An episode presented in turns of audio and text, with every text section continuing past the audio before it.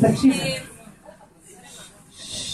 אנחנו צריכים, הם צריכים, אני רק באה ומצטרפת, אנחנו, הם צריכים היענות מלאה בעזרת השם, כי זה באמת, הם עושים מאמץ מאוד גדול כדי להביא את כל כן. הרבנית, ואני יכולה גם להוסיף ולומר שפסיכולוג היום עולה 450 ו-650 לפגישה, ובדרך כלל לא יוצא מזה כלום, לא הייתי בחברה טובה. חמודות. זה לא רק זה, זה הקשר שלנו בדיבור. הדיבור, השכינה עוברת דרך הדיבור. ואיש את רעהו יעזור ויחזקו. הדיבור הזה ייתן לנו כוח לפעולות של הפסח ולימי הפסח בעצמם, כי זה זמנים לא פשוטים. זה דבר ידוע שהמועדות הם ימי דין, הם נקראים ימי דין. אפילו שפסח, כל החודש הזה הוא חודש נפלא של אה, חסד. ראש ראשון הוא לחודשי השנה, זה מבחינת חסד. בכל אופן, בזמן החגים, המועדות שהתורה מדברת עליהן, שהן שלוש, עליות לרגל, שזה סוכות, פסח ושבועות, אז אה, אנחנו מצווים להקריב הרבה יותר קורבנות ממה שבדרך כלל. יש בדרך כלל את קורבן התמיד, שכל יום מקריבים, הבוקר ובין הבית, ובמועדות יש מה שנקרא מוספים, שאנחנו מקריבים יותר, וגם שעירים נוספים. זאת אומרת, הרבה קורבנות. למה צריך לה... מכאן למדו שזה ימי דין. כי כשמקריבים קורבנות זה כדי לרצות את הדין, שלא יהיה דין ולא יהיה קטרוג. אז טוב, בוא, בוא נקריב רק את התמיד כהרגלו, תמידים כסדרן. אבל מוספים, גם כן, תוספות, בגלל שזה ימים שיש בהם, הם קשים. ותדעו שהדין מיסודו הוא יותר גבוה מאשר החסד. והוא לא רע, חס ושלום. מה הכוונה שזה ימי דין? שנדרש מדרגה יותר גבוהה של כל דבר. זה לא כאילו, טוב, מוותרים לנו כי אנחנו סתם מסכנים אנשים פשוטים פה בעולם. לא, ידרשו במועדות, דורשים מאיתנו את המדרגה היותר גבוהה. שימי לב, תמיד בחגים אני מרגישה הרבה יותר קשה מאשר בימים רגילים.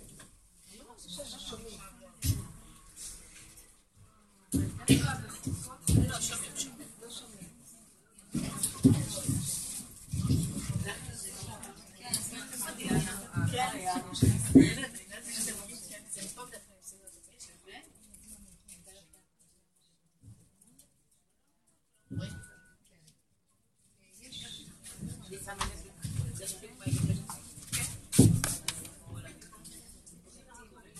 זה? טוב, צריך לקרוא להם.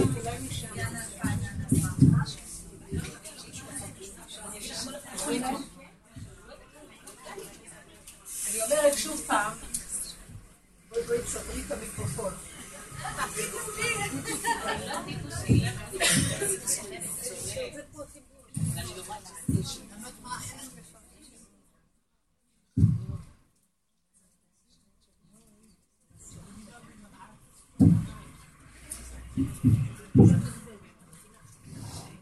שומעים? יותר טוב? אני אומרת עוד פעם, שבימים רגילים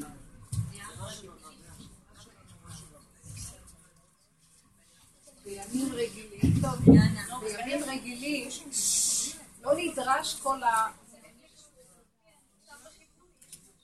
אבל הימי המועדות נדרש, מדרגה גבוהה יותר, אז נדרש מהאדם להיות יכול יותר, להתאפק, להיות יכול יותר להיות במדרגה שהתורה דורשת מאיתנו, להיות בן אדם, כן?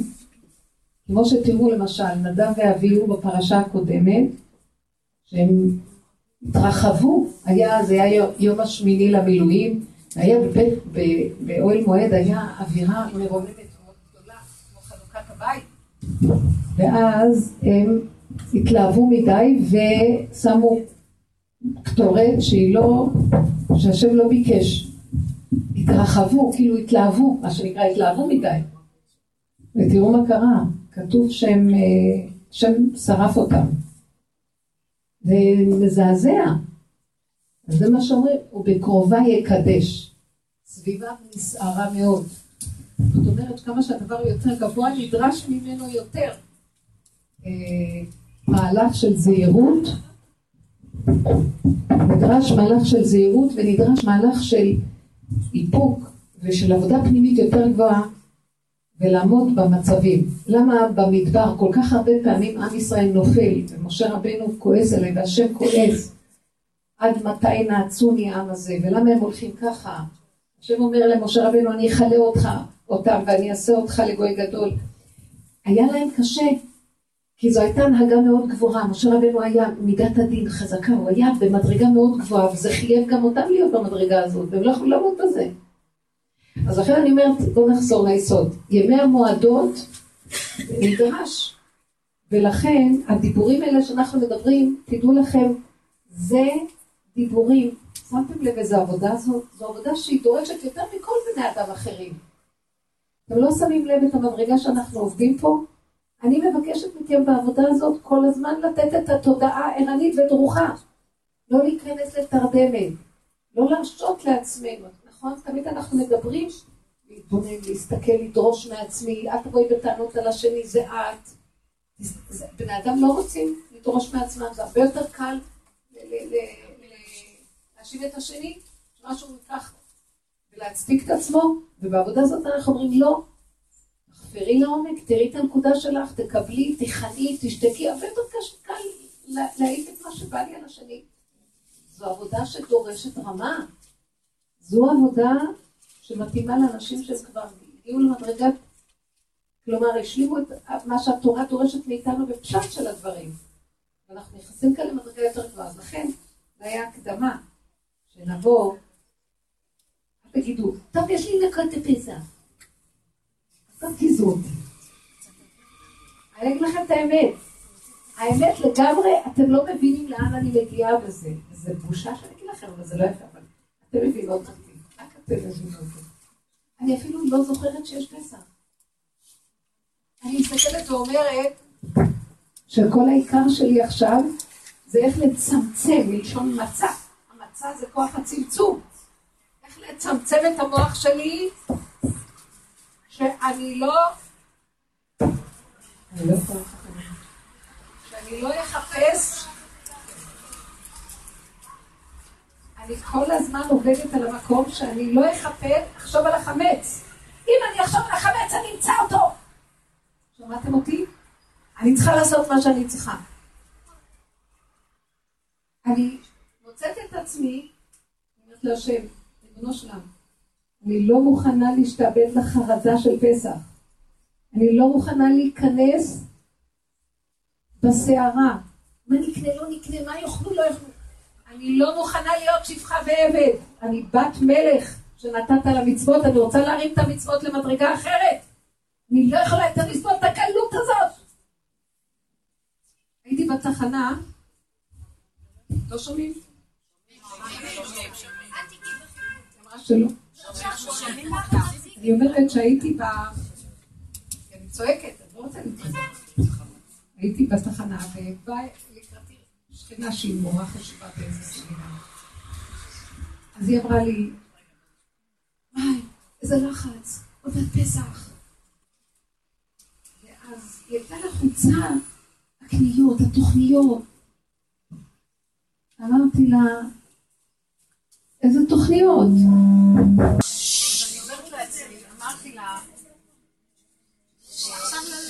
למה הלחץ? באופן טבעי. אנחנו הולכים עכשיו אה, לקראת פסח.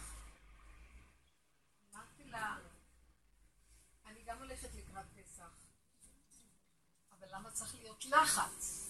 הסברתי לה שכשיש במחשבה עולה המילה פסח, מיד נהיה רפלקס מותנה, לחץ. אמרתי לה, זה דבר של דמיון. את רואה, פורים היה ונגמר, גם בפורים יש לחץ, זה לפני כן, גם היינו לחוצים. גם פסח יעבור, הכל יעבור, החיים האלה יעברו. הסתכלה עליי כאילו אני... ואז אמרתי לה, אני לא אומרת שלא נקיים את הפסח, נקיים את הכל, אבל בלי הלחץ, בלי הדמיון. יש רגע, ועוד רגע, ועוד רגע, ועוד רגע. צמצום הזמן במציאות של רגע, זה נקרא מצה. החמץ זה התרחבות, זה אור שבעיסה. הכל תופח. מחשבה אחת, והדמיון לוקח אותה בקברת לאורך ולרוחב, ספר לך סיפורים. עכשיו בטח שתהיי לחוצה. כי אחרי כאלה סיפורים, וזה וזה וזה וזה, עכשיו זה נהיה גדול. ואיך את יכולה להרים דבר גדול? שימי לב שזה רק דמיון. כרגע את לא נדרשת להרים כלום, זה רק המחשבה.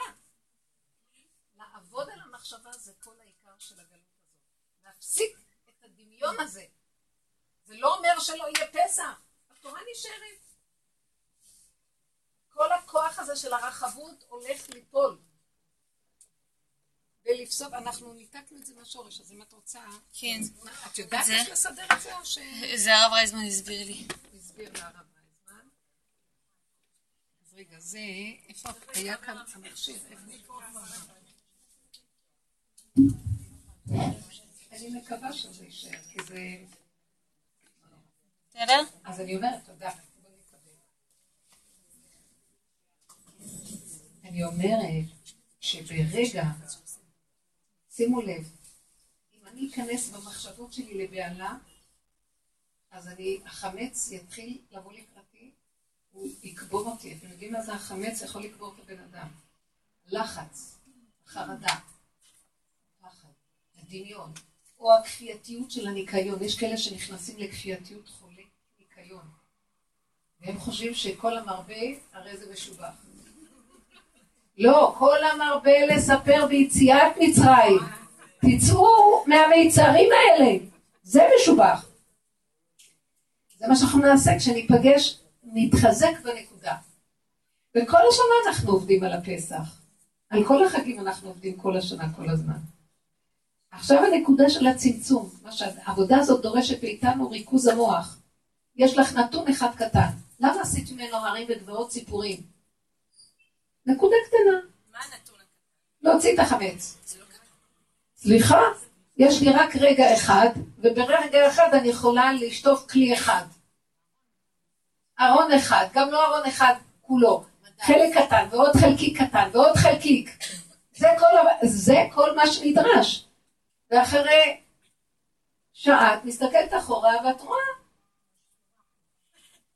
והתבוננת על מקומו ואיננו. מי עשה את זה? אתם לא תרגישו את העבודות.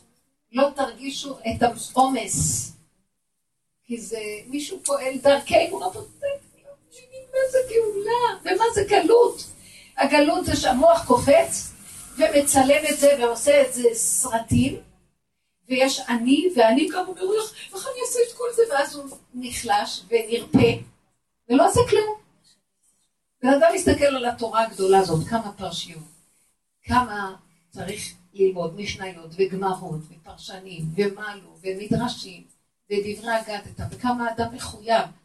אז הוא נראה מאיפה אין לי כוח לכל זה, הוא לא עושה כלום. אדם אומר לא אליך המלאכה לגמור. אבל לא תמיד חורי לי בטל ממנה, דבר קטן. משנה פרק משניות. עובר על אה, אה, שתיים תרגום אחד נקרא. עושה החלק של היום בפרשה. הוא לא, לא יודע איך, הוא גומר. מישהו סיפר שבנסיעות שלו בעבודה, ברכבת מניו יורק, ששם כל בוקר היה צריך להשקיע איזה כמעט שעה נסיעה, הוא גמר את כל הש"ס כעבור שבע שנים. עוד חלק קטן, ועוד חלק קטן, ועוד חלק קטן, סיים את הש"ס בזמן שהוא נוסע ברכבת. זה דבר קטן. אנחנו יכולות לעשות הרבה דברים בקטן, אני ראיתי את זה. אבל אני מתחננת להשם לפני כן, אומרת לו, ריבונו שלנו, עם הסערה אני לא נכנסת לזה. אתם יודעים מה נהיה לי? בסופו של דבר, האמת היא פשוטה, השם מסדר את החמץ. אני יכולה לי? אני יכולה להוציא את החמץ? הוא יגאה עליי, אני לא יכולה. האני לא יכול. האני זה צורת החשיבה של הטבע. משוגע. מחולק לשניים, כן נכון, לא נכון, זה טוב, זה לא טוב, זה, זה מותר או זה אסור, צריך לעשות ככה, לא תעשו ככה. הוא משגע אותי, לא. אבל כשהשם נכנס, השכינה בידיים שלי נכנסת, אני לא מרגישה איך הדברים נעשים. פעולה, וזה יוצא, הכל מסתדר. לא רק זה, גם אין לי חרדה, נשאר, לא עשיתי מספיק נקר, הכפייתיות. ונקים עוד פעם, אתם יודעות שבנות הולכות לפעמים לטבול הבלניות, אומרות לי הרבה פעמים, אנחנו הולכות להשתגע מהנשים. כפייתיות. שעות, שעות, ושם שבוע, אולי לא ככה, אולי לא ככה. יש גדר, חצי שעה, שלושת רבעי שעה, יש נקודות בסיסיות. מישהו שהוא כפייתי, זה מסוכן. לא ניתנה תורה למלאכים, רבותיי, מה אתה חושב שזה פה? אנחנו בני אדם חסרים וקטנים. אנחנו כל כך קטנים, כל כך קטנים, אנחנו לא קיימים בכלל. והמוח, דמיון, כל כך גדול, כל כך גדול. עכשיו לך תחי את הקטן הזה ותשימי אותו עם הדבר הזה. המצוקה התמידית של האדם היא בלתי ניתנת לשיעור, בייחוד בדור האחרון. כי המוח גודל עלינו וגודל וגודל לדמיונות, כאשר בתוך הנפש יש ידיעה גנטית ברורה של כלום ואפסיות, והמצוקה ביניהם היא מאוד מאוד קשה. היא עושה לנו, ממש אנחנו בפיקוח נפש. רוב המחלות האלה שאנשים חולים היום זה מחלות של המתח והחרטה, של הקוטביות ההפחית הזאת. אתם יודעים? אין לנו פתרון בשבילה. אני, מה אני עושה? אני מכבה את השלטר, ואני אומרת, אני קטנה, אני קטנה, אני קטנה. כל פעם שאתם במצוקה, תכבו ותגידו, אני קטנה. אין בריאות נפש יותר גדולה. אני לא נדרשת לכלום. גם לנשום, אם אולי תן לי נשימה, אין כלום. אז אה, יקרה לך, יעשו ככה, יהיה ככה. יהיה ככה. אני לא יכולה, אני אומרת לבעולם, לא יכולה. לא יכולה. אז ידונו אחרי... הוא בא להפחיד אותי בכל מיני דברים, שידונו, אני אגיד להם, לא הייתי יכולה, לא יכולה, אני אגיד את האמת. יגידו לי, אבל את צריכה זה וזה, מה, את פותרת עצמך, אני אגיד להם, אתם יודעים מה? כתוב את זה באחד המקומות. קחו אותי לבית דינו של השם, כי השם יראה ללבב. אתם רואים לעיניים, אני, השם יודע מה המאבקים שלי, והוא את המסכנות הכן, הוא את הכלום שלי, ואני אומרת לכם את האמת שלי.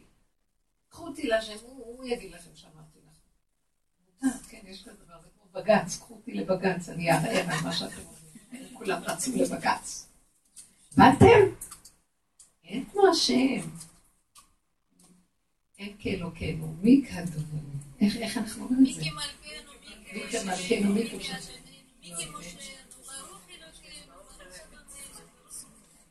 אתה הוא אלוקינו, בוא נגיע למקום של אתה, אתה פה איתי.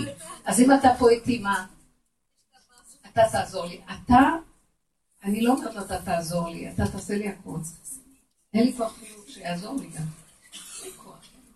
מסכנה האישה הזאת, עם עשרה ילדים, צריכה להאכיל אותם, תסדר את החמץ. אתם יודעים שאנשים מדומיינות, הגברים לא כל כך לחוצים. לא בגלל שהם לא עובדים, כי המוח שלהם יותר ישר מאיתנו. הם יודעים, זה לא ניתן לי להשתגע, כן צריך. אבל גם כן, כי המוח של האישה הולך חופר לה, אולי פה, אולי פה, הגברים אין להם מוח כזה. אז אם יש שם חמץ, שיהיה, אבל אני לא יודע. הוא לא יודע, גם לא, גם לא יבקשו ממנו. כי האדם דן את עצמו על ידי יותר מדי, אתם מבינים? שהבן אדם חטט יותר מדי, יודע יותר מדי, דרשו ממנו, כי הוא דורש מעצמו. לא יודע. אל תחפשו. כי לא הילכתי בגדולות ובנפלאות ממני. אם לא שיוויתי ודוממתי נפשי, כגמול עלינו, כגמול עלי נפשי תינוק. מה שאני יכול. אני לא פטור, אבל אני לא משתגע. וזה דבר מאוד גדול. זה סוד הצמצום. תדעו לכם, ככל שנהיה בצמצום, אחר צמצום, שם יש גילוי של שכינה. החמץ זה בדיוק הפוך. החרדה, הפחד, הידיעות הגדולות, ההבנות, ההשגות, והאגו גונב את הכל, מי ידמה לי ומי ישווה לי. שם אין שכינה. אין אני והוא יכולים לדור בכיפה אחת. כמה שיותר קטן, יותר קטן, יותר קטן, יותר קטן. עכשיו את יודעת שאת כל כך קטנה ואת לא יודעת כלום, זה נקרא ביטול. זה ביטול האני. שמה פתאום רואה שבכלל את לא קיימת, קיימת רק שכינה. את לא מציאות. את זה השכינה. זאת אומרת, זה לא את איך שאני עכשיו, חס וחלילה. זה... הכל זה הוא, מלא כל העולם כבודו. המציאות הזאת, המציאות הזאת, הכל. אנחנו נכנסים לפחד, פחד של יראת הרוממות, של כבוד השם מלא את האחד. אז הצמצום הזה הוא דבר גדול. אמרתי לכם פעם על איש אחד, אליעזר הזה שהיה. פעם לקחתי אותו, הוא בא, הוא בא, הוא בא, הוא מברך את הקהל פה. הוא אומר לי, איפה לא בא? רצו לבוא איתך לשיעור. לו, מה, וזה, וזה, טוב, בסוף יש תמיד איזה מישהו שלוקח, מישהי, ואנחנו הולכים ביחד. אני אותו יושב בפינה, וכנראה שהוא מברך, הוא מברך את כולכם. אז פעם אחת הלכתי להביא לו משלוח מנות אליו, בפורים הוא לא יוצא מהבית. הוא בבית שלו. עכשיו באתי לבית שלו, רבותיי, בית שלו, בית שלו, חדר, חדר, אין שם כלום. מיטה, פעם שבאתי לפני כן, ראיתי שאין לו אפילו מזרון, אז הלכתי לקנות מזרון. מה זה המיטה שלו? זה כאילו, אה, אולי לא ירצה שאני אדבר, אבל קצת אני. כאילו, אה, מין דיקט כזה של מיטה של תינוק, לא תינוק קטן, ילדים, מיטת ילדים, אה, ושיש מתחתיה איזה ארבע קופסאות של זיתים כאלה גדולות, שהיא מונחת על זה, והוא ארוך, הוא גבוה. מבינים? אין מזרון. הלכתי, לא יכולתי לראות את זה. אז הקיצר, הפעם באתי לבקר אותו, אבל כלום, אין שם כלום. איך אנחנו חיים? כמה חומר, כמה סגידה לחומר, אחיזה רגשית בחומר, ביופי, ברהיטים, בפאר, בבגדים. איך היא תנקי את כל זה? ניסיתי היום לפתוח את הארון, נבהלתי, סגרתי, אין לי כוח. אמרתי לעצמי, אני, אני כבר, אני לא אוהבת להשתמש במילה הזאת, אני אוהבת, אבל אתם לא אוהבות לשמוע. אני מבקר, סליחה, אין לי כוח. מי צריך את כל הבגדים? אני לובשת כל יום את אותו דבר שבוע ימים, וכל פעם אני נוסעת למקום אחר ואף אחד לא רואה אותי, אז אני חושבת ויש לי מלא בגדים, ואני אומרת לעצמי, אני, מה צריך? ואחר כך כל פעם מדי פעם, את אומרת, איזה בגד יפה, איזה בגד, מה? מי צריך את כל זה? הקיצר, כלום אין לו, כלום, כלום, קיצור, ממש כלום. כיסא של ילד קטן, והכל של ילדים קטנים, והוא כזה גבוה. בקיצור, תקשיבו, אני הבאתי לו משלוח מנות, אמרתי, אני אקפוץ, אני אגיד לו, כי רק, זה היום היחידי שהוא מרשה שיבואו אליו, אף פעם לא מרשה, והוא לא, כאילו. בקיצור, כשנכנסתי לחלונות אטומים, והקירות, זה חדר כזה תחום ריח של תחת, כמעט התעלפתי. אין אוויר. אין אוויר. ואז אני אומרת לו, אין לי אוויר. אז אני רוצה לפתוח חלון. הוא אומר לי, לא, הוא קפץ, אל תפתחי חלון. אמרתי לו, אבל אין לך אוויר, איך אתה חי? אין אוויר. אתם יודעים מה הוא ענה לי? לא מאמינה, תקשיב.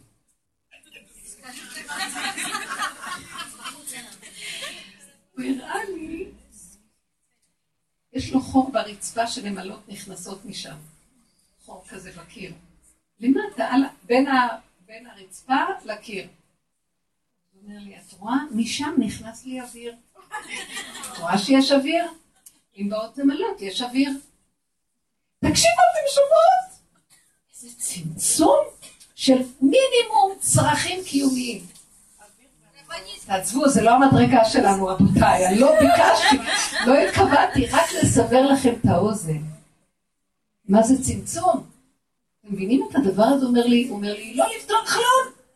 רואה? נמלות נכנסות לשם, סימן שיש אוויר. ככה הוא, וניצחון, תרועת ניצחון, הוא מראה לי שיש פה אוויר. טוב, אז אמרתי לפחות אל תצחיק אותי, כי אין מספיק אוויר לצחוק. אני אגנוב לך את האוויר שיש. אמרתי, מה זה הצמצום? זה... הצמצום מתחיל מהמוח. אני רוצה להגיד לכם, אם הבן אדם הזה חי... לא. אם הבן אדם הזה חי, זה מהשם. השם זה סוד הגבורות, סוד הצמצום. כמה שפחות, כמה שיותר קטן. זה בדיוק הפוך מהשכל. יותר גדול, יותר חשוב, יותר זה, יותר זה, שם הפוך. זה המצב. סוד המצע. כמה שיותר ריכוזיות והתמעטות, זמן, בזמן זה הכאן, הרגע. מה זה הרגע? זה חלקיק קטן של הזמן, הכי קטן. כאן זה החלקיק הכי קטן של המקום. אני לא חושבת מה יהיה מחר. אני כאן עכשיו עומדת, זה איפה שאני. אני בנשימה הזאת, זה שאני, למה את רצה עם הלחץ שלך על הקניות לפסח? את מסעירה אותי, אמרתי לה. אותי. אמרתי, ריבונו של עולם, אני עייפה. אני עייפה מהעולם החרדי.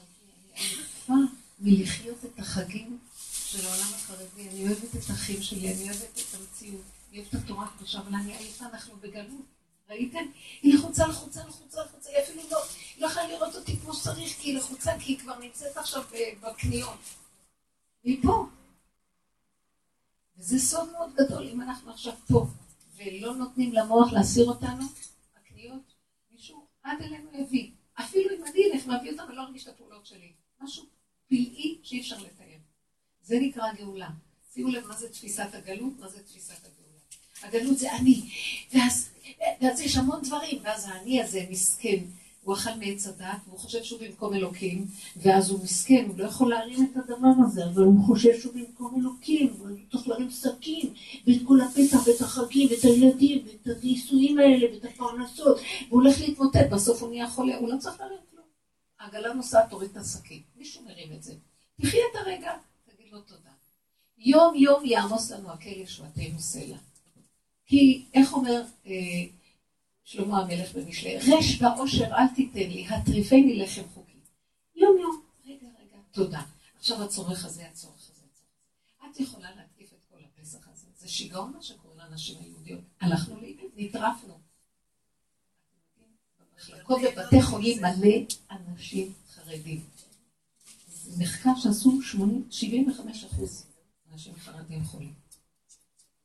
כי אנחנו חיים במתח לא נורמלי, כי התורה דורשת מאיתנו הרבה, אבל התורה של הגלות, התורה לא דורשת הרבה, אבל קלקול הגלות עושה את זה הרבה. כי אני לא חיים את הרגע, אז יש לי גם זה וגם זה וגם זה וגם זה וגם זה, אבל אני יכול לעשות רק הרגע דבר אחד. אז אני אקיים הרגע את מה שהתורה אומרת לי הרגע. זה מה שהתורה התכוונה, תראו מה עשינו מזה. אז בואו נחזור, בואו ניגאל, זה התחלת הגאולה. אל תיתנו ללחץ, אל תיתנו לשיגעון, אל תיתנו לעצבות, ואל תיתנו ללחץ ולא לדוחק. שקר הכל שקר. שקר וכזב. אגיד לכם את האמת, אני הולכת להגיד את כל האמת. כל הניסויים שאנחנו חיים בהם בעולם שלנו בגלות זה שקר, זה לא חיים טובים. כולם סובלים. איך יכול להיות שמצווה כל כך יפה יסבלו בה? זה לא בגלל המצווה. זה בגלל הדמיון שנכנס בתוך זה. ההוא דורש ממנו, והיא דורשת ממנו, והיא רואה אותו מהזווית הזאת, והוא מבקר אותה מהזווית הזאת, וזה אין לו מנוחה כי הוא מצפה ממנה לזה, והיא מצפה ממנו לזה, וככה הם חיים ואין להם חיים, אין חיים. אנשים לא יכולים לסבול כבר את החיים. אז מה הבעיה? שהתורה אמרה, על כן יעזוב אשתבי וינון דבק ואשתו בית בשר אחד, ושמצווה לשאת אישה? לא, אין בעיה במצווה בכלל, יש בעיה בצורה שאנחנו חיים, איך אנחנו, הגלות, הפסיכולוגיה של העקומה. היא גומרת עלינו, המוח משוגע. למה אנשים היו הולכים בקטן, אז מה, הזוג היה מתחתן, אז פסי בתוך, משה בחצוצה, וכל העם ברחוב, וזה מביא מטאטא, זה מביא איזה כרית, זה מביא מתנות, מביאים קוגל, מביאים זה, אוכלים, עושים כל אחד משהו ברחוב, עושים משהו יפה, סוגרים את הרחובות. וכל החבר'ה כל כך כיף, נהנים ככה. פעם היו עושים את החתונות ביום שישי, אחר הצהריים. כדי שיהיה להם סעודת שבע ברכות וגם שבת, ולא יבזבזו שתי, שתי סעודות. כן, למה לעמוד פעמיים וזה, זה נחמד. הכל היה בצמצום ובקטנות ובתחקות, והיה מה שהבן אדם יכול היום. שולחים הזמנות לחוץ לארץ, באים מטוסים. מביאים מהצפון, מהדרום, כולם באים, נגררים, מביאים מעטפה, אוכלים רבע עוף, מגיע 11 האוטובוסים, מזרזים את כולם ללכת. מאוד קשה. זה מאוד קשה, זה מאוד קשה הסיפור הזה, לא פשוט. ולא לכולם יש תמיד איפה לשבת. אני גם כן, אני ישבתי אני לא הולכת לחתונות, כל ערב אני יוצאת למקום אחר, אבל פעם הלכתי לחתונה, ממש הכריחו אותי לבוא להגיד מזל טוב, אז אמרתי, טוב, אני אבטל את השיעור. אז, אז ישבתי ואכלתי משהו, קמתי לשמח את הכלה, אני חוזרת, אני רואה מי שיושב במקום שלה, אז התיישבתי אני על מקום של מישהו אחר. אז הוא גמר את המנה שלי, ואני גמרתי את המנה של זה. וככה כל הזמן, כל פעם שקמתי הייתי צריכה לחזור למנה אחרת. מה אני אשמה? אני צריכה לאכול רבעות או לא? באמת זה היה כל כך מצחיק, אבל תוך כדי זה שאני יושבת, אני, אני רואה, אבל זה לא המקום שלי. אני ראיתי שהכל היה מוזר. זה היה מצחיק, נכון? אמרתי, מה, אני אוכלת עם מקום? לא שמתי לב אפילו, זה לא הצלחת שלי. הכל מבולבל. אבל צריך רק לצחוק, רבותיי. אני אגיד לכם, תלכו בפשטות. אם אין כוח, לא הולכים. מה, אני חייבת ללכת לשמח בכל הכוחות שיש לי, זה לא נקרא לשמח. שמחת קרסים. צריך מה שאדם יכול בגדר שלו, וזה השמחה שלו. ולא יקפידו עלינו לשמיים, לא. כל הזמן אנחנו פחד שיקפידו עלינו, כי אנחנו לא עושים זה ואנחנו לא עושים זה, ואדם דן את עצמו. זה לא נכון. לא, לא נדרשנו לכל זה, רבותיי. ואחר כך עוד מענישים אותנו על כאילו עבדת את השם לוקח בשמחה ובטוב לבב. אתה לך כל, מה אתה מתבלבל כל כך? למה אתה כל כך מבולבל? אתם מבינות בנות? אז אל תיקחו את הפסח קשה. נעשה מה שאנחנו יכולים. אני דווקא ראיתי שהפסח הזה, כל מה שיש לי חשק, אני לא זכרתי שלך שצריך לבטל את החמץ, רק אני רוצה קצת לעשות שיפוצים. אני רוצה להתחדש, פתאום ראיתי, זה מה שעושה לי שמח. עכשיו זה השמחה שלי. את החמץ אתה תוציא ואני אסדר לי את השם. כי אני רוצה ליהנות ממה שאני עושה. חמץ זה קשה. ואני אחר כך רואה איך הוא עושה, אני כל שנה זה ככה, אחר כך אני רואה. מי עושה לי את הדבר הזה? אפילו, אתם יודעים איך הוא נכנס ברמה שהוא, כל המיקסרים, בחורים ובסלקים, מי עושה אותם בכלל? הוא עושה אותם. לא יודעת איך, אני לא מרגישה את הזמן, באמת. לא מבינה איך.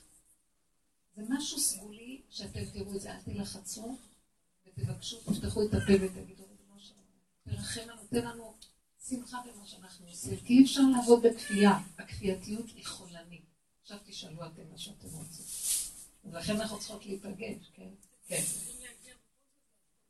איך?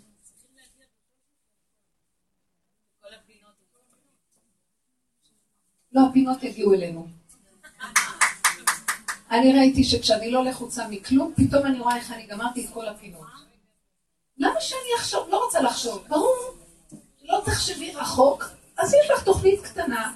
היום את עושה את זה, מחר את זה, ואחר כך את רואה, כן, עשו את הפינות. לא. זה לא סייעתא דשמיא, יש הבדל בין סייעתא דשמיא לבין הדרך שאנחנו עובדים. בגלות זה נקרא סייעתא דשמיא, מהשמיים מרחמים. בגאולה, בעבודה הזאת שאנחנו עושים, מתוך הבשר יוצאת שכינה. זה לא מהמוח, זה לא מהצעקה והתפילה של הצעקות. אני נזהרת לא ללכת איפה שיש לחץ, מתח, איפה שלא יכולה לסבול, אני לא מכריחה את עצמי, אסור ללכת בכפייה בשום צורה. לעבוד מתוך שמחה, פשוט דבר קטן, תושיט יד דבר קטן. עכשיו, אני ראיתי, אין לי חשק להתחיל. קשה עליי, כי המוח מפחיד אותי. אז אני מתפללת לשם ריבונו שלום, תן לי שמחה וחשק. תסיח את דעתי מהלחץ. תן לי שמחה. פתאום אני לא שמה לב איך אני יכולה להושיט יד, לשטוף כמה כלים ונהיה לי חשק לעוד כלי, ועוד דבר, ועוד דבר ועוד דבר, פתאום אני רואה נהיה. שולח את החשק. לא ללכת בכפייה. הבנתם מה אני מדברת? לא ללכת בלחץ, ובכלל זה סוד העבודה שלנו. לא להתבלבל, קטן, פשוט. לפתוח את הפה ולבקש. מה שמתאים לך. אני מבקשת ממנו מה שהלב שלי חפץ. אני באמת רוצה ש...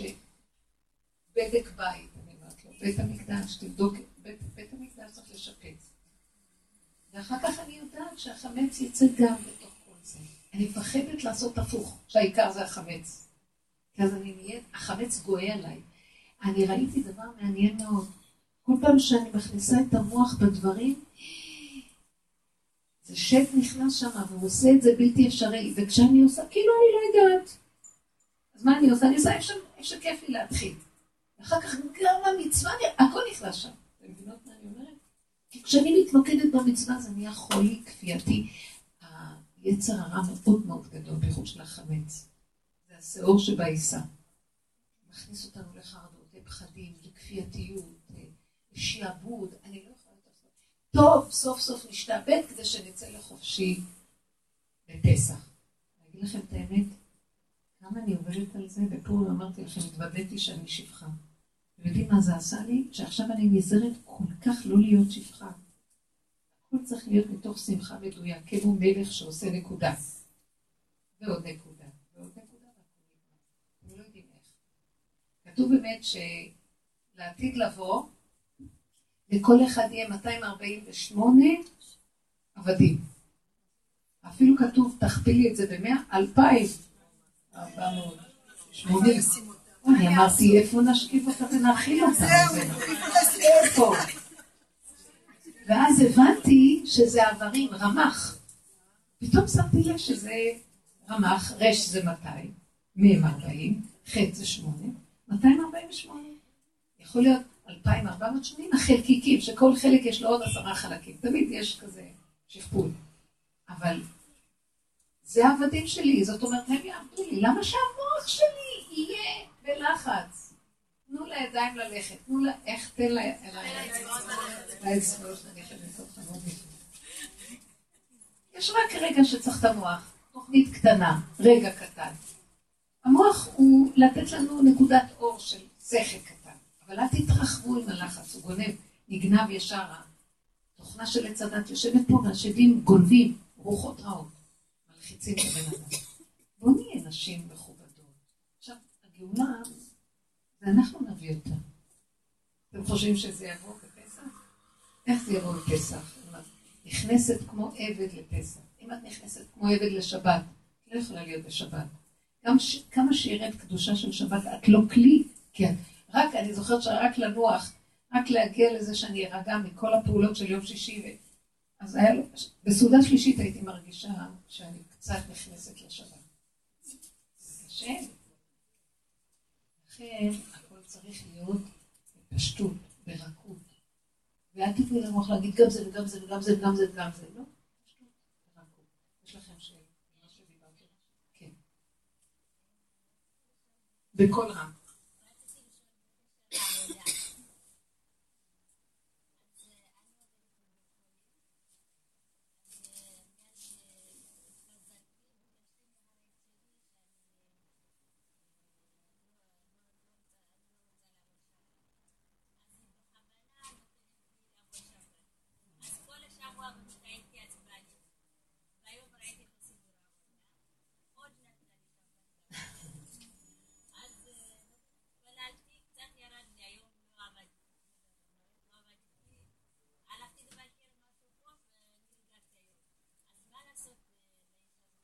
מה, את אחות? למה את חושבת שהיא מתנקמת? אולי... אה, בואי, בואי תראי, בעבודה שלנו אני תמיד אומרת, אם אני הולכת בכפייתיות עם המוח, אז השם דווקא עושה, היא יהיה רק המקל של השם. השם שם לה לעשות לך ככה, ולא היא. אז אם את נכנעת ואת אומרת, מה אתה רוצה להראות לי, ריבונו שלנו? שאני ביקשתי משהו, אבל אם היא לא תיתן לי, אני אהיה בנקמנות עליה. ישר אני אתחיל לדון אותה, לשפוט אותה, שהיא עושה לי דווקא, מין פרנויה כזאת. אה, כן, היא מזוממת עליי, איך נראה מה היא עכשיו חושבת עליי. זה מחשבה לא טובה. זה מה שמביא אחר כך שעוד יותר זה נהיה. אז אל תחשבי עכשיו, טוב, אז אני, אני אסכים, או אני לא אבקש. רק תסתכלי במנגנון שלך, איך הוא חושב. את שמה עליה את הדגש. תגידי, ריבונו שלם, אתה רוצה להראות לי שבמקום שאני אשים את מבטחי בך, כשאני מבקשת ממך שתיתן לי שבת, אני צריכה לבקש ממך. עכשיו, שם, תשים בראש שלה שתיתן לי שבת. אתה לא רוצה לעבוד בשבת. רחם עליי. וזהו. ותדעי שאת מבקשת ממנו, את מבקשת ממנו. אבל אני אגיד לכם, זאת עבודה גדולה, כי כשאני מבקשת ממנו, ואני אחרי רגע נותנת לה 80 אחוז של משקל. ואז אם היא לא תעשה את זה, אז אני כועסת.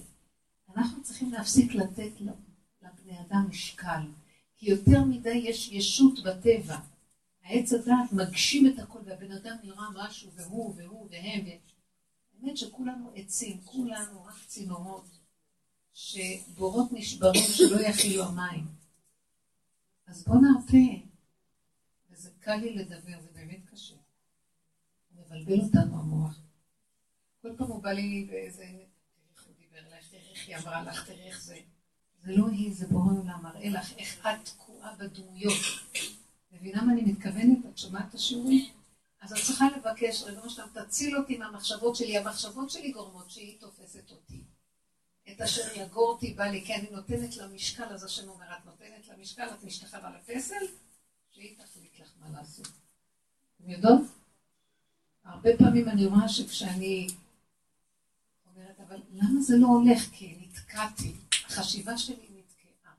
ואז אני אומרת, אז ריבונו שלמה, אני תקועה. אני מתחילה להתוודות לפניו. אני תקועה, רק אתה יכול לשחרר אותי. איך אפשר לא לתת ממשות לדמות? בעולם הזה הכל נראה כל כך ממשי, והבני אדם, אני בתקשורת איתה. מאוד קשה לדבר עם בן אדם ולא לתת לו הרבה משקל. הכל רפוי, אנחנו צריכים לחיות ככה, רפוי, רפוי. אנחנו חיים, שולחן. הבעל נכנע. הלכו אחרי הבעלים בד. הכסף. הכסף הזה זה הטעיה. מה נעשה שאנחנו תקועים איתו? אני שמה לב שאני נותנת לו חשיבות. אבל מה אני אעשה? אתם יודעים מה? נותנת לו חשיבות. שבוע שעבר לא סיפרתי לכם? שהכסף היה נפל לי מתחת לרכבת, מתחת לספסל. לרגע פרחה נשמתי.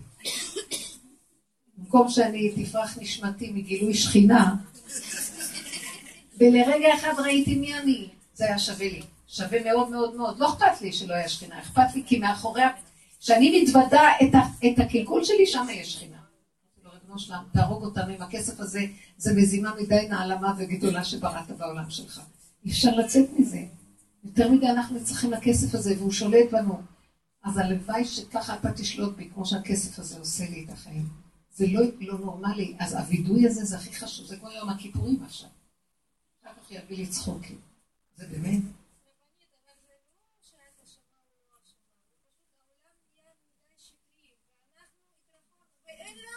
אין לנו ברירה. לא, אבל תגידי לו את זה, לפחות אני לא, אני מסתכלת ובוא את הכסף, אז אמרת לו, ריבונו שלם, תראה איך אני אחוזה בכסף. אבל לא בא בטענות לעצמי, אני אומרת לו, אתה רואה איך אנחנו נראים? הלכנו לאיבוד. נתת את הכסף כי זה שעשוע. זה באמת מתוחכם הדבר הזה, שניירות מסדרים לך את החיים. זה דבר מוזר, זה נייר צהוב, נייר כתוב, נייר ירוק. חלד, למה גם האדום נחמד? אני אומרת לכם, אז אני מסתכלת, ועליו נאמר, והתבוננת על מקומו ואיננו. משגע את כולם. כי בעליל את יכולה לקנות איתו מה שאת רוצה. אבל השיגעון, אז הולך, הכסף הולך עם הרצון, והרצון עם הכסף. הכסף אומר, זה מין פלונטר שאת יכולה להוציא, לפחות אני אומרת, זה שיגעון, אתה יודע מה? אמרתי לו, אני לעצמי, ראיתי לעצמי, אנחנו כבר לא רוצים כי רוצים את זה לילדים, לאיזה דבר חשוב, לאיזה... אין לנו כבר ערך לזה לעצמנו. אז ריבונו שלום, למה אני אחוזה כל כך, תרחם עליי? והיו לי כבר כמה פעמים שאמרתי לו, אתה יודע מה? אז אני לא רוצה את החיים איך שהם. אני לא רוצה, אז, אז אם אני אחוזה בשביל לתת את זה לילדים, אז אני לא רוצה את הילדים, אני לא רוצה לתת להם. אז הוא אומר לי במוח, לא, גם חלק מהשעשועים שתתנו. תני להם, מה תעשי בעולם הזה? תהיי על הר גבוה כל היום ותגידי קדוש, קדוש, זה משעמם. ככה זה מעניין, את נותנת לו והוא נותן, את נותנת לזה, ואז זה צריך להוציא את המעשרות והוא נותן לזה, וזה מוציא את המעשרות ונותן לזה, ויש כאן שעשועים וזה נותן לזה, וכולם מפחדים שלא יהיה להם וכן יהיה להם, וזה עושה זה, זה משעשע. מה משעשע בחובות? אני עוד לא הבנתי מה משעשע. חובות זה לא מעשן. חובות זה לא מעשן. לא משנה.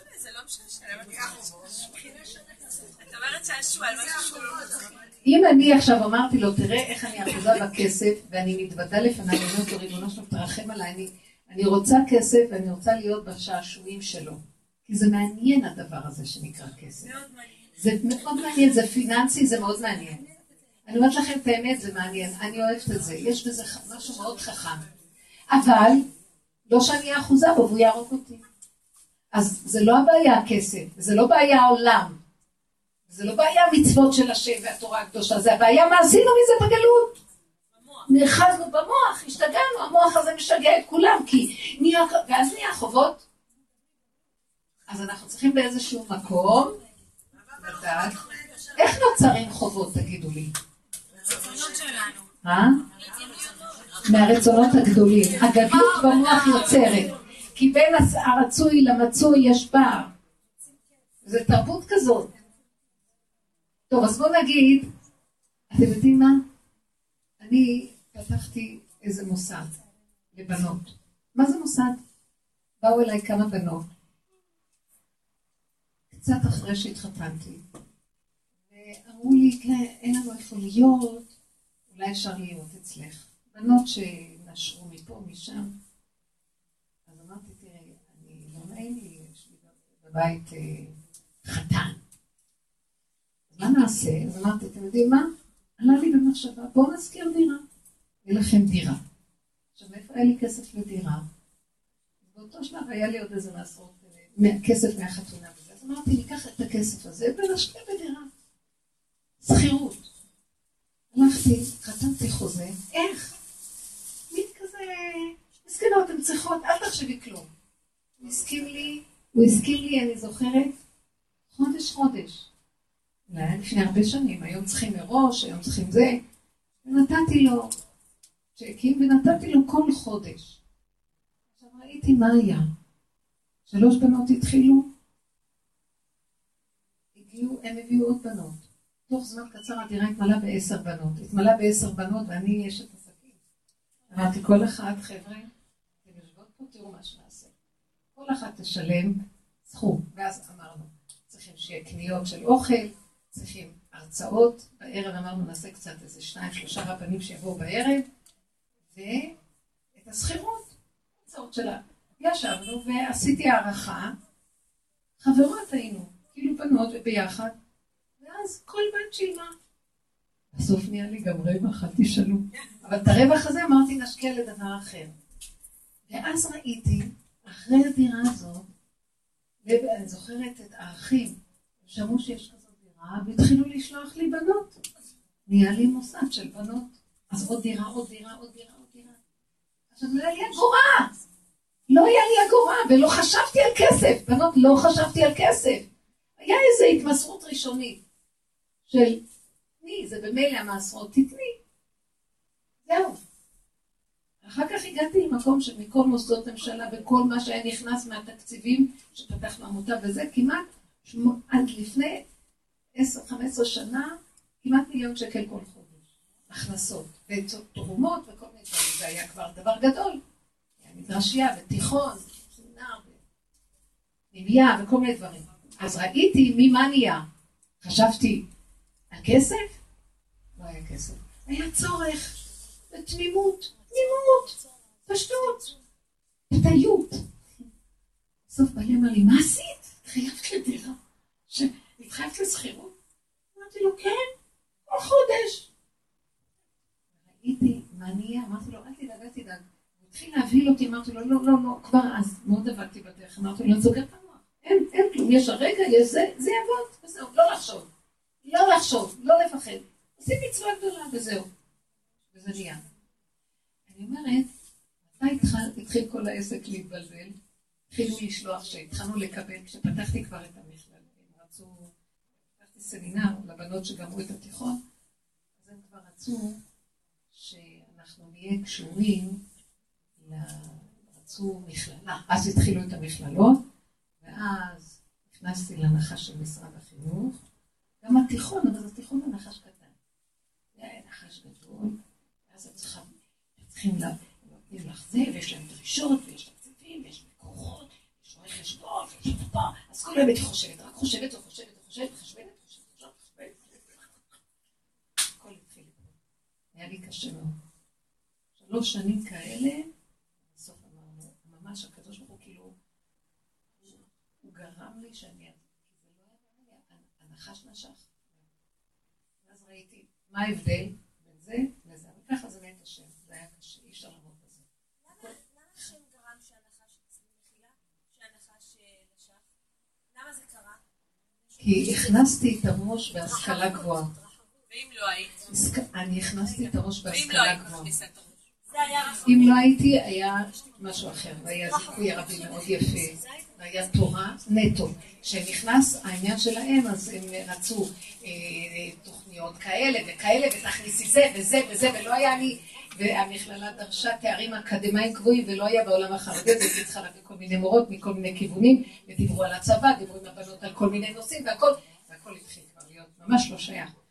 והכל היה בלבול, ובקיצור הייתי, התרחבתי בהשכלה, והלכתי בגדולות ונפלאות ממני. ויש מחליף לך או שזה נסגר? זה נסגר. בתו של הרב עובדיה, פתחה את המכללה החרדית, אצלנו כבר היה פתוח, והיא כל כך רצתה להצטרף אליי. ואז אני רציתי, לא, אני רוצה להיות יהודית.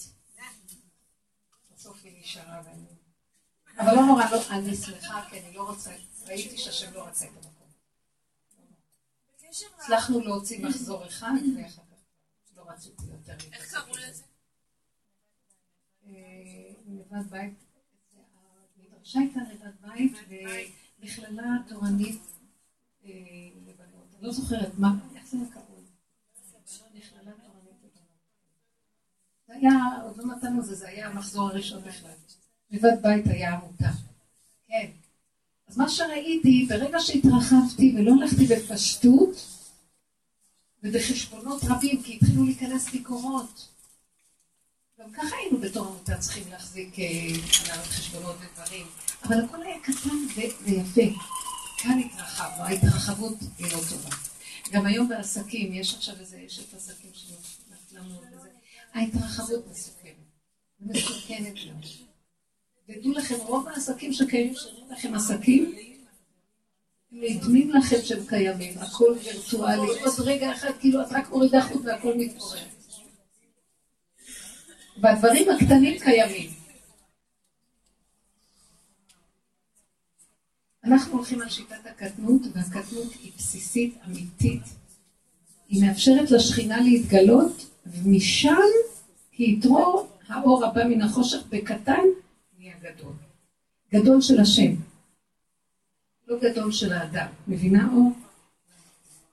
אה, גם אנחנו. עכשיו חרגנו טיפה, ונחזור לנקודה הזאת של הקטנות.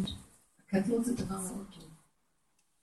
כל העמותה הזאת החליטה ממש 22 שנה, עשינו המון פעולות, כן, זה היה מאוד יפה.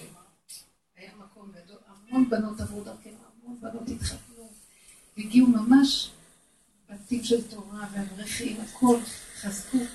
איפה שהרגשתי ששם זה התחיל להידרדר, זה היה המקום הזה של ההשכלה וההתרחבות. קשה. לא נורא.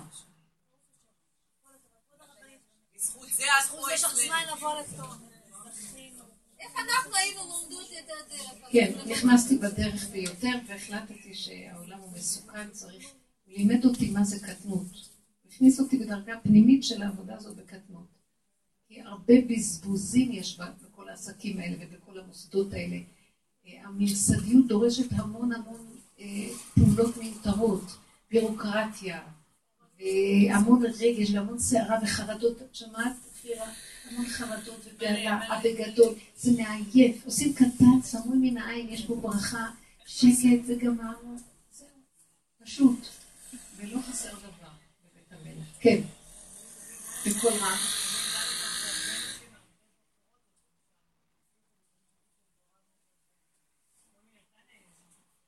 היה שם משהו מיוחד, הדרך הזאת, עבדנו איתה, עבדנו עם האמת ופשטות, והיה מאוד תמיד התפעלו. לא, באמת. מישהי היום אמרה לי שהיו בנות הולכות לטבריה לרב קוק, אז הוא היה מאוד מאוד אוהב את הבנות של המדרש. היה אומר, זה בנות מיוחדות.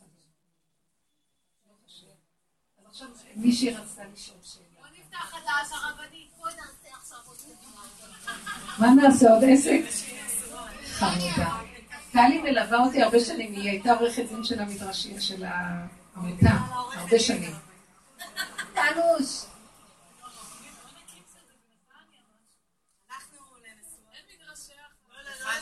בואו נקים את השכינה. אני כבר יודעת שעכשיו משהו כן, משהו יקרה. השכינה תקום, ואז כל אחד כאן תקבל נבואה. מה תצחקו? כולם, זה מדרגת דקה של נקיות, ואז נר אחד נר למאה. לא נצטרך אפילו לפתוח מדרשיות, לא יהיה ממסדיות. אחד יגיד מילה לשני, השני ידליק את השלישי והשלישי הרביעי, ומתוכנו כולם ידעו הכל. והיו עיניך רואות את מוריך. אתה, לא יצטרכו ללמד אותך. אתה מעצמך תדע הכל. כי הכל צף, כל האמת צפה מלמטה, והבני אדם ידעו הכל, מעצמם. זה הולך להיות. אתם רואים את זה עכשיו כבר, אנשים יודעים המון, המון, המון. וזה כבר יבוא מאיתנו, לא מהאינטרנט וכל הדברים האלה, זה יבוא מתוך הידיעה של האדם, מתוכו. כן.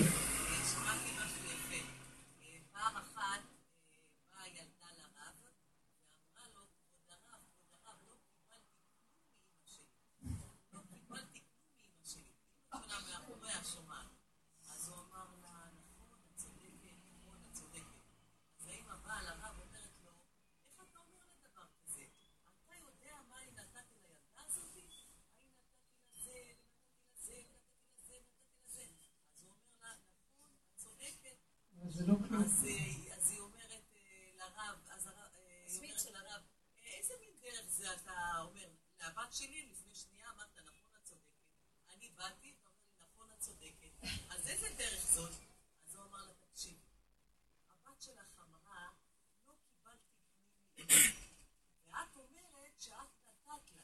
זה נכון, את צודקת, את נתת, אבל היא לא קיבלה. אז היא צודקת ואת צודקת.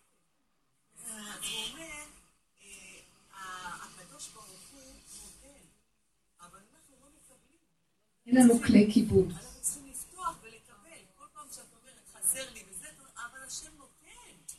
תקבלי מה שהוא נותן. אבל זה יותר מדויק. בואי נדייק לפי הדרך שלנו, כי זה עיקרון מאוד יפה מה שאת אומרת. זה לא מדובר על חומר.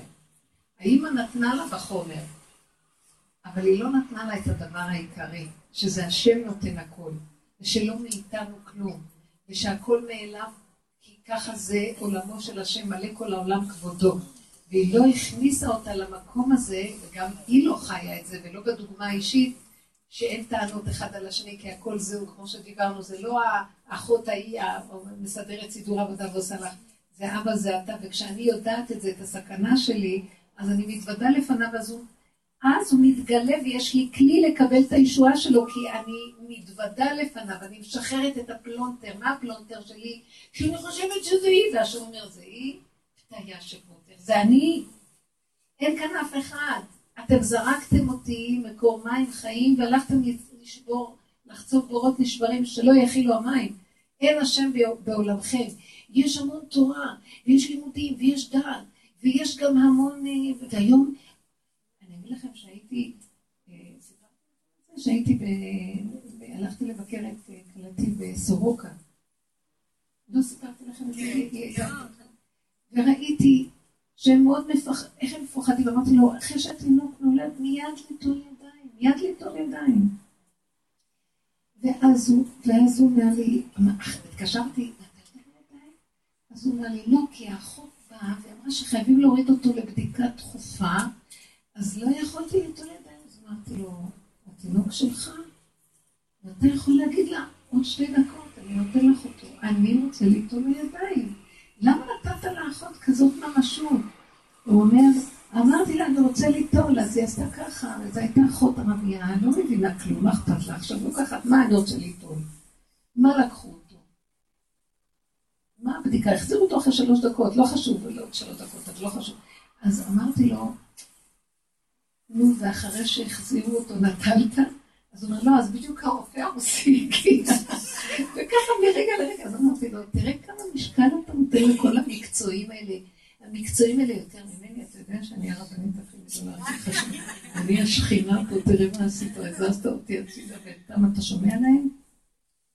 לא, אין על דעת צוולתך, זה מה שגידלתי. כתוב על שלמה המלך שאימו הייתה מייסרת אותו, כופתת אותו לעמוד ואומרת לו, מה פרי, מה בר בטני, זה מה שגידלתי, שאתה עושה שטויות? את נתת לו.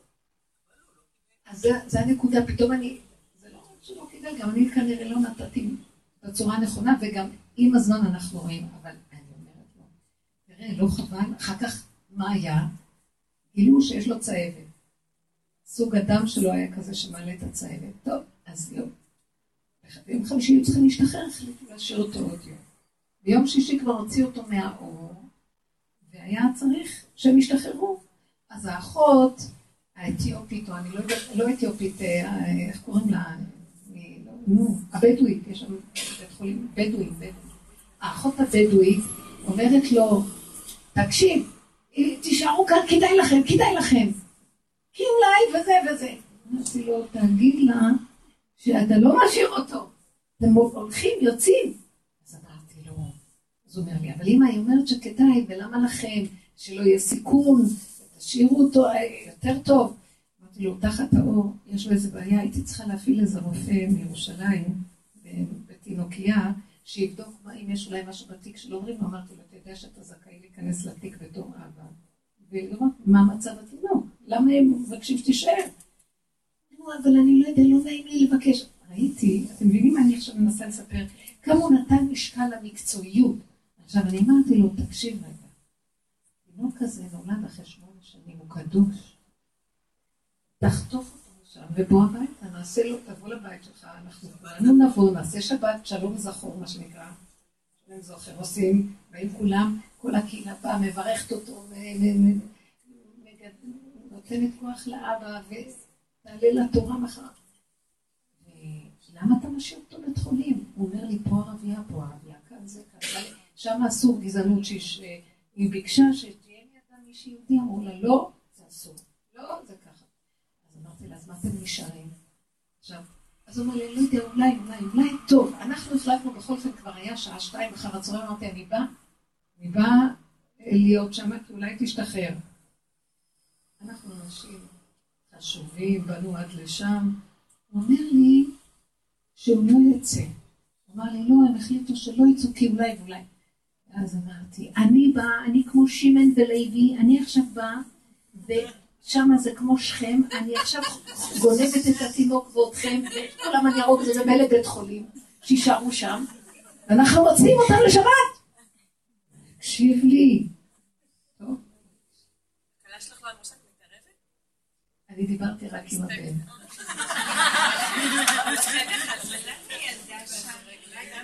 עכשיו, אני, לכן אני מספר את הסיפור ככה, ואני אומרת לו, תשמע, אין סיבה, אין סיבה.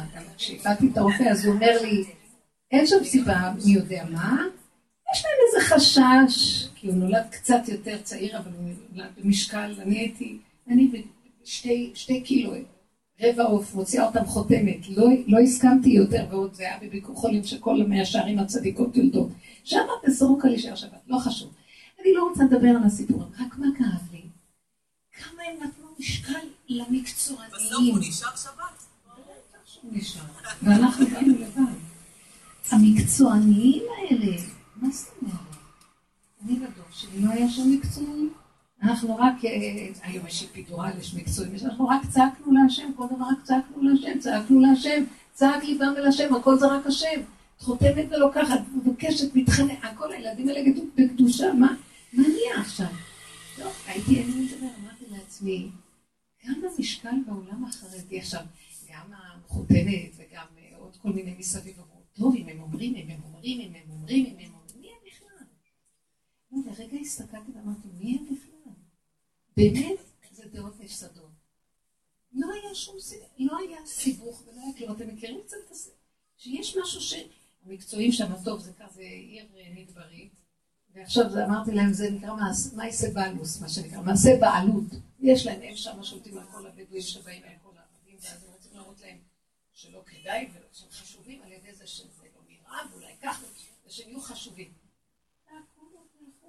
מה אתם עושים פה? אין צורך כבר להישאר. לא הקשיבו. לא הלכתי בכוחניות. אני לא, לא, לא. הרגשתי שהייתה כאן נקודה שאני צריכה לעורר אותו. כאב לי. רציתי לטלטל אותו ולהגיד לו, די, תפסיקו, מה אתם עושים? אין בעיה פה כלום. ככה נראה הדור. אנחנו בעולם שלנו נהיינו אחרי החומר, אחרי המקצועיים. אפילו רבנים שולחים כבר למקצועיים. הולכת לרב, הרב אומר לכי למקצוען. תביא לי חוות דעת מקצועית. אבל אם כן הייתה בעיה, מה היית אומרת? אין בעיה. אני אמרתי להם אין בעיה. את לא מבינה שאמרתי שאין בעיה, אז אין בעיה, אני לא מבינה אותך. לא, אבל הם אמרו שיש בעיה. הם לא אמרו שיש בעיה, הם אמרו לא כדאי, לא כדאי. אני, תראי, אם הייתי יודעת שיש בעיה, היה איזה נתון רציני, לא היה שום נתון רציני. חששות ועניינים, וזה דעתו ככה, וזה לאט את זה.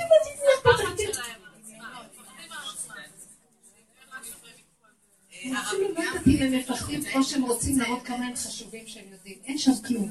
היה לי, לא על זה עכשיו אני מספר, אני מדברת על הכאבים שהיה לי. היה לי כאבים. ממה היה הכאבים? את מבינה אותי? את עובדת בבית חולים. את מבינה מי הם כולם שם? אני אגיד לך האמת, אני לא, אני לא, מילא כשיש בעיות, גם זה אני רוצה להגיד לכם.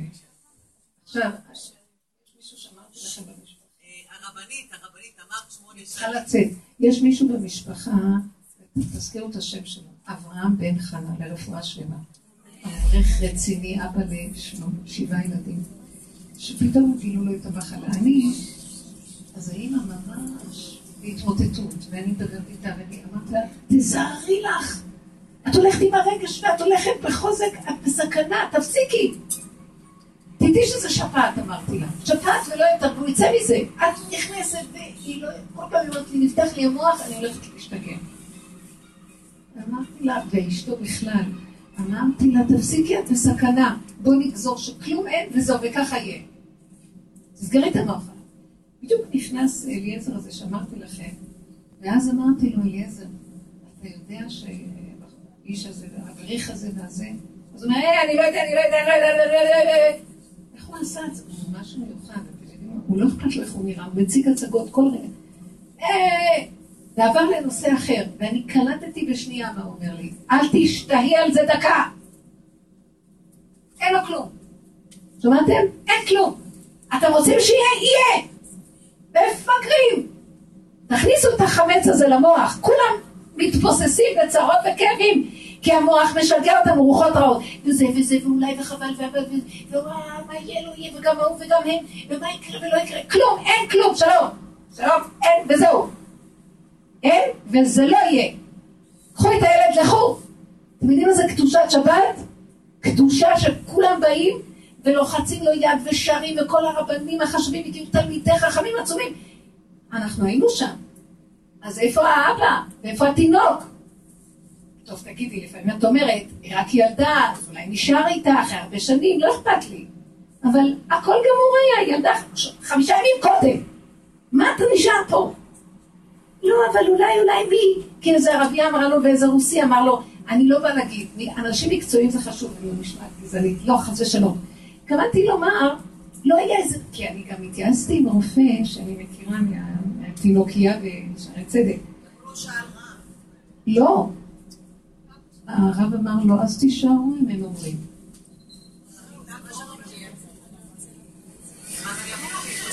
אני הגבר היחידי פה. אני רוצה להגיד לכם, לא חבר'ה, אני לא באה להגיד לכם שלום. כואב לי, כואב לי, כואב לי. איפה, איפה, איפה, איפה?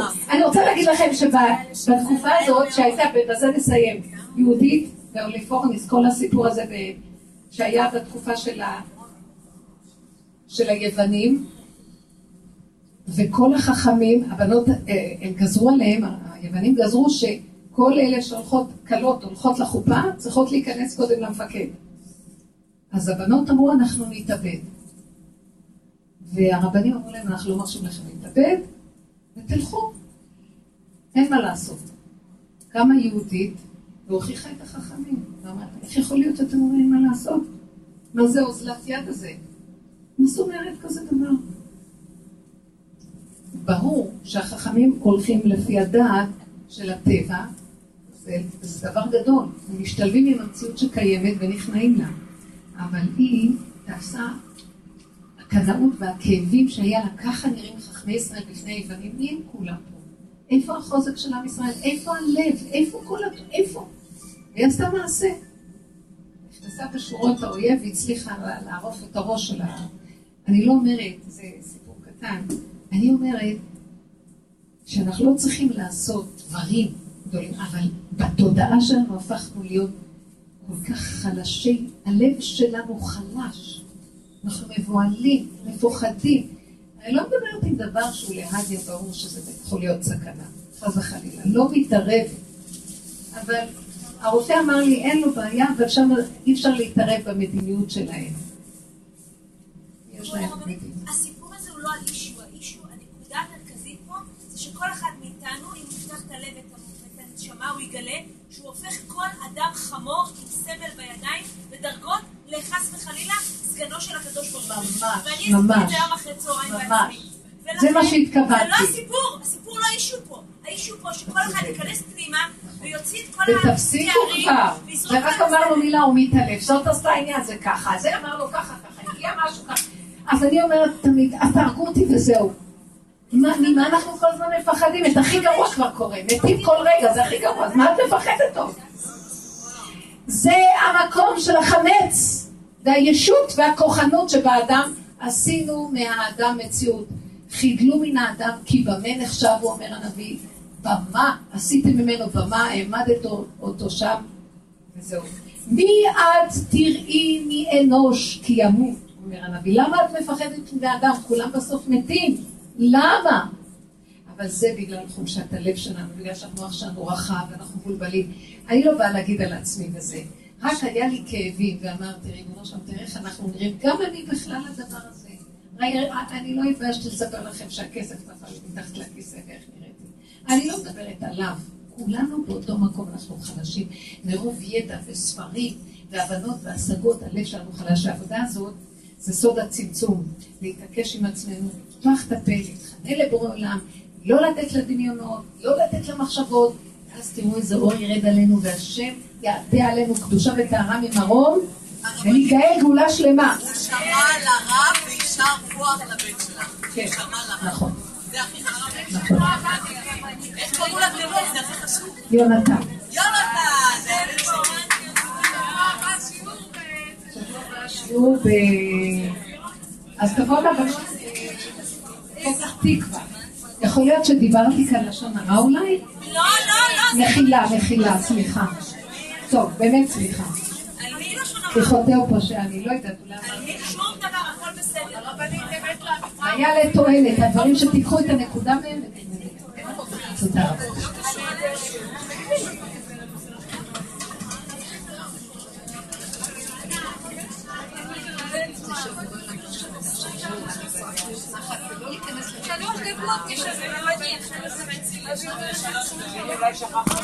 Да, сели, сели.